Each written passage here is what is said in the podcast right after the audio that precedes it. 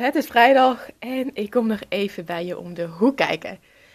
Het is de laatste dag van de week en ik ben benieuwd hoe voel jij je en ook hoe is je week geweest?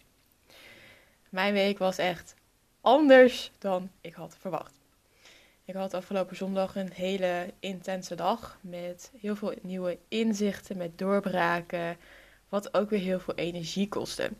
En daarnaast begon op maandag mijn nieuwe werkweek na de vakantie. Ik had er onwijs veel zin in.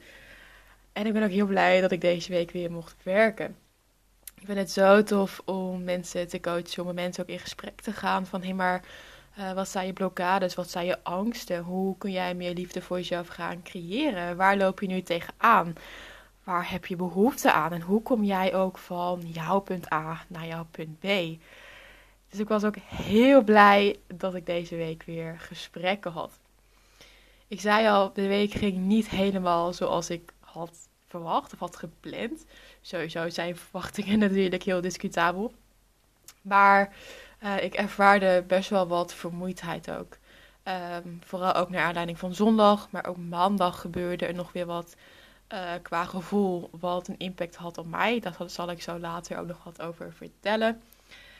En ik was een aantal dagen eerder ongesteld geworden, wat ook energie kost. Uh, ja, en die rust had ik voor mezelf nog niet ingepland.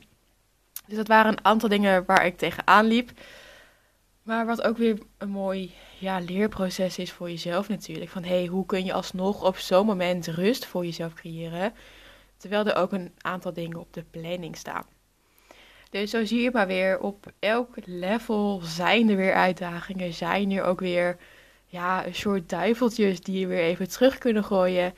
Maar die jij ook weer kan verslaan. Hè? Want die kracht hebben we allemaal in ons. Ik ben ook benieuwd, welke dingen heb jij deze week gedaan waar jij energie van kreeg? Zijn dat dingen die je standaard al doet of die je hebt toegevoegd aan je eigen routine? Of heb je misschien te veel dingen gedaan die moesten en waarbij jij jezelf voorbij bent gelopen? Waardoor je meer op de automatische piloot stond dan dat je handelde vanuit bewustzijn. En hier komt ook weer dat stukje zelfliefde om de hoek kijken.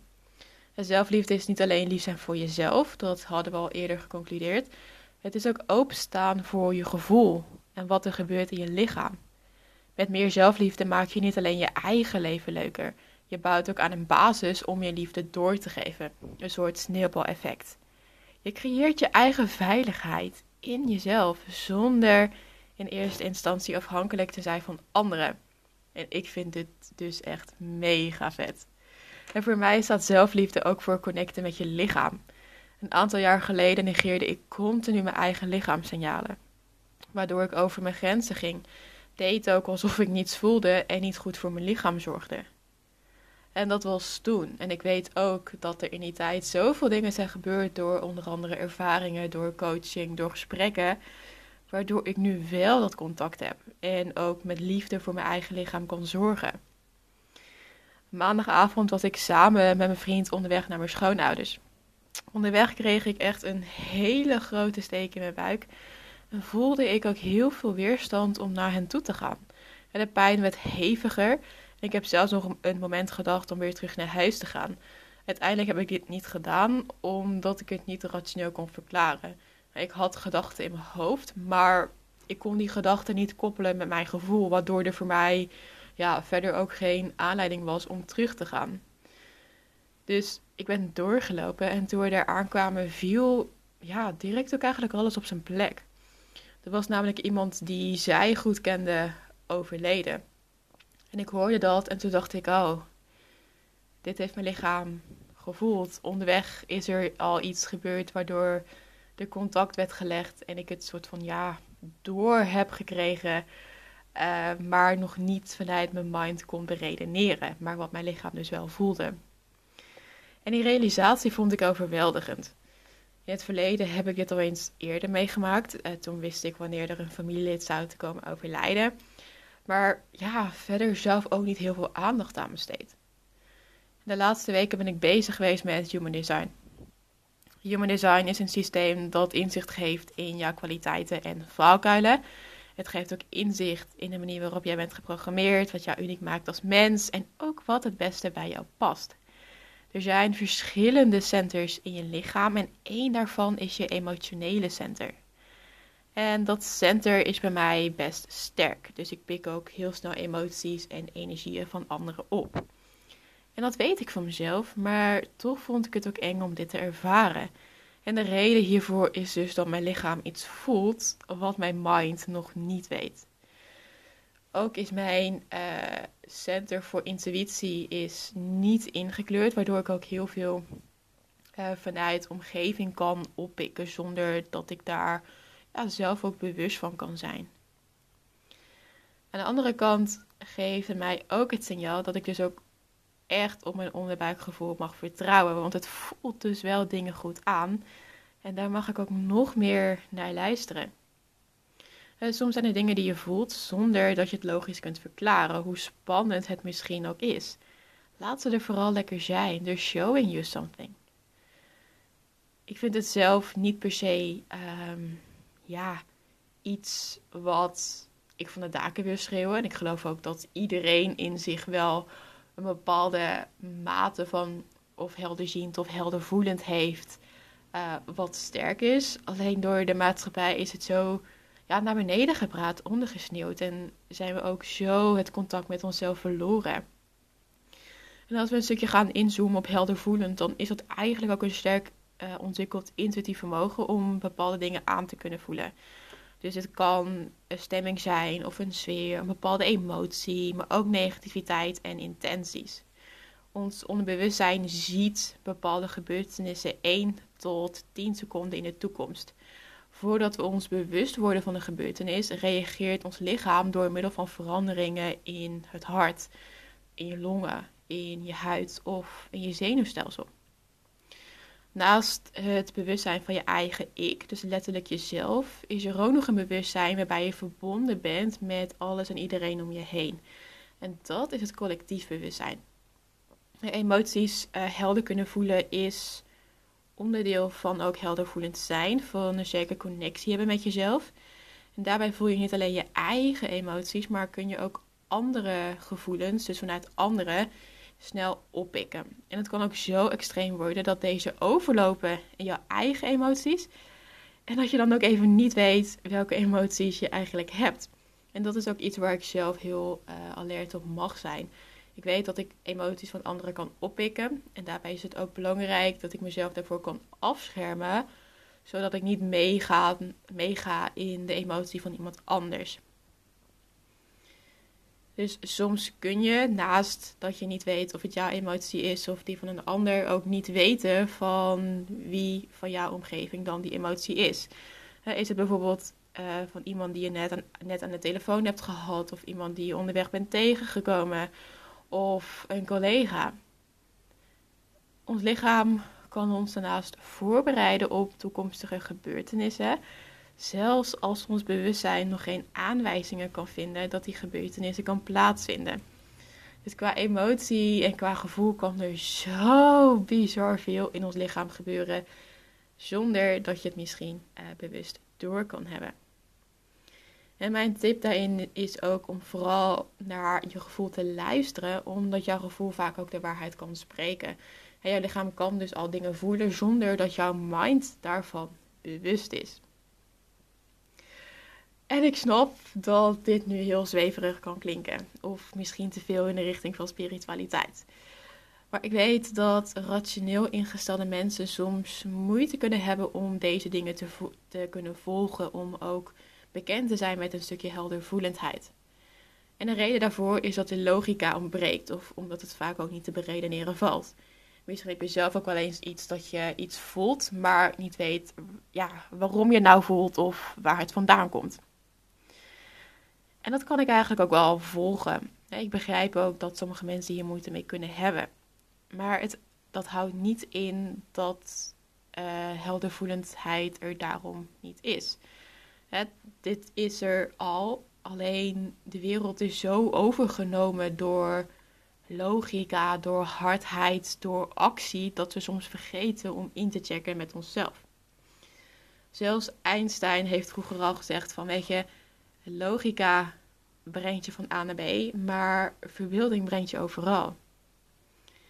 Dus naast dat logica heel belangrijk is en dat het ook uh, belangrijk is om logisch te blijven nadenken, dingen te kunnen onderbouwen, is het ook belangrijk om te beseffen dat er altijd iets groters is. En dat je ook mag inchecken bij jezelf. Mag voelen van hé, maar uh, wat voel ik eigenlijk naast de dingen die je denkt? Naast luisteren naar je lichaam en je gevoel, zijn er ook nog andere manieren om je eigen zelfliefde te ontwikkelen.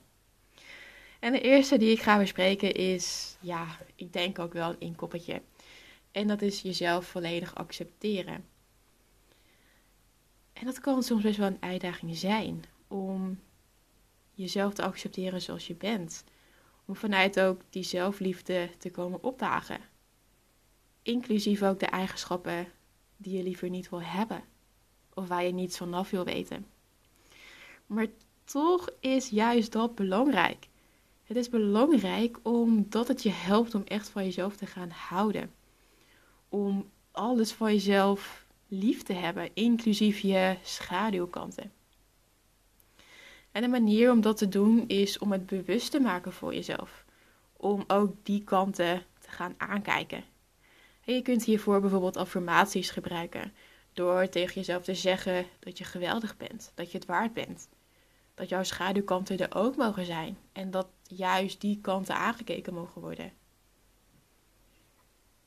Naast het hardop uitspreken kun je het ook opschrijven. Uh, en of bijvoorbeeld gebruiken als achtergrond op je telefoon of laptop. De tweede manier die ik ga bespreken is om jouw ego te gaan herkennen. Zelf vind ik dit een hele leuke en deze kom ik ook heel vaak tegen in coachgesprekken. Wat je ego eigenlijk is, is het ratelende stemmetje in je hoofd. Het stemmetje wat continu tegen je aan het praten is. En misschien is het nu wel herkenbaar dat je het herkent als: oh, je kunt het beter niet doen. Je kunt beter nu dit en dit en dit eten. Of je kunt het beter niet doen, want het is eng of gevaarlijk. Het is letterlijk dat stemmetje wat jou veilig wil houden en ook op de plek waar jij nu staat. Want op die manier zal jij overleven volgens dat stemmetje.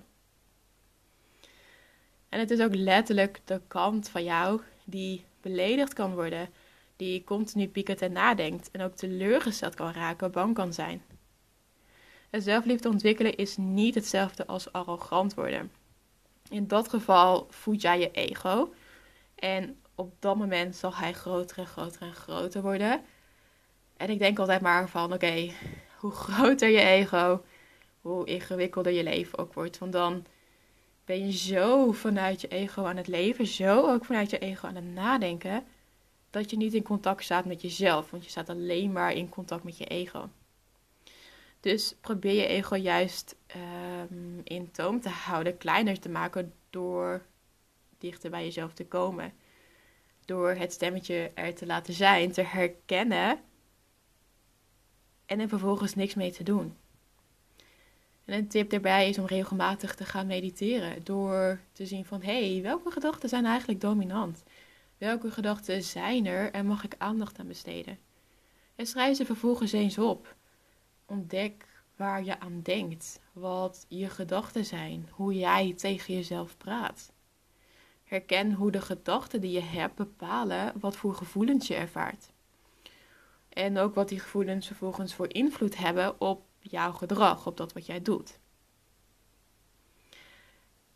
De derde manier die ik ga delen is om minder streng en minder hard voor jezelf te zijn. Want dat zijn we. We zijn zo ongelooflijk hard voor onszelf. En we zijn vaak harder voor onszelf dan dat we zijn voor anderen. En ergens is het logisch, maar ook super zonde. Want jezelf zie je 24-7. Dus is het heel makkelijk, of in ieder geval makkelijker, om kritischer, te zijn tegen jezelf dan tegen een ander die je maar af en toe ziet. En wanneer de ander een fout maakt, zeg je waarschijnlijk van oké, jammer, maar volgende keer beter. Maar wanneer je zelf een fout maakt, nou, dan heb je de pop aan het dansen. En dan kan je jezelf zo de grond in praten, zo ook weer kritiseren. Terwijl een fout is een fout. Het is een leermoment. En vanuit daar mag je het ook met compassie gaan benaderen. En je blijft jezelf ook continu herinneren aan die fouten, aan de dingen die je hebt gedaan. Waardoor je je waardeloos blijft voelen. Misschien ook wel minder waardig. Of je voelt schaamte. En ik denk niet dat dat de weg is naar een leven met meer zelfliefde. Dus behandel jezelf erin ook vanuit compassie, vanuit liefde.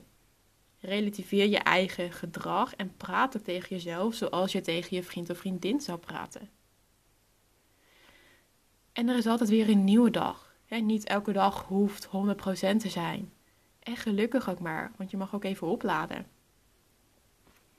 De vierde manier die ik daarbij wil delen is om volledig met bewustzijn en aandacht te leven. Ik zei net al, niet elke dag hoeft 100% te zijn. En dat is het ook. Het leven is niet altijd leuk. En dat is prima. Accepteer dat de ene dag fijn is en de andere dag misschien niet. Dat je leven ook bestaat uit ups en downs. En dat je daarmee kunt spelen, kunt ontdekken. Maar door met aandacht te leven zie je wel wat voor jou belangrijk is en waar je ook je eigen energie uit kunt halen. Want als jij alleen maar dingen doet die jouw energie kosten, ja, dan is het logisch dat je batterij achteruit gaat en dat je op een gegeven moment leeg bent.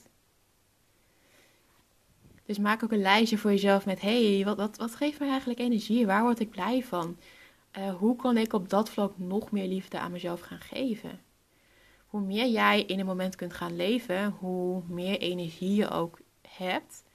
En hoe makkelijker het ook wordt om kritische gedachten over jezelf te uh, herkennen, maar ook los te laten. Want we leven vaak of in het verleden of in de toekomst, maar alles wat je hebt is letterlijk het nu. Dan de laatste manier die ik met jou ga delen is uiteraard heel belangrijk een stukje zelfzorg. Dus wat doe jij vanaf het moment dat jij uit bed stapt? Hoe praat jij dan tegen jezelf? Heb jij zin in de dag of is het mwah, meh? dat maakt al zo'n verschil.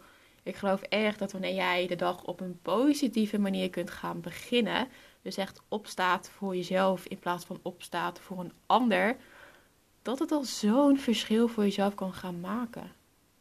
Want op het moment dat jij jezelf niet waardevol vindt, wie dan wel?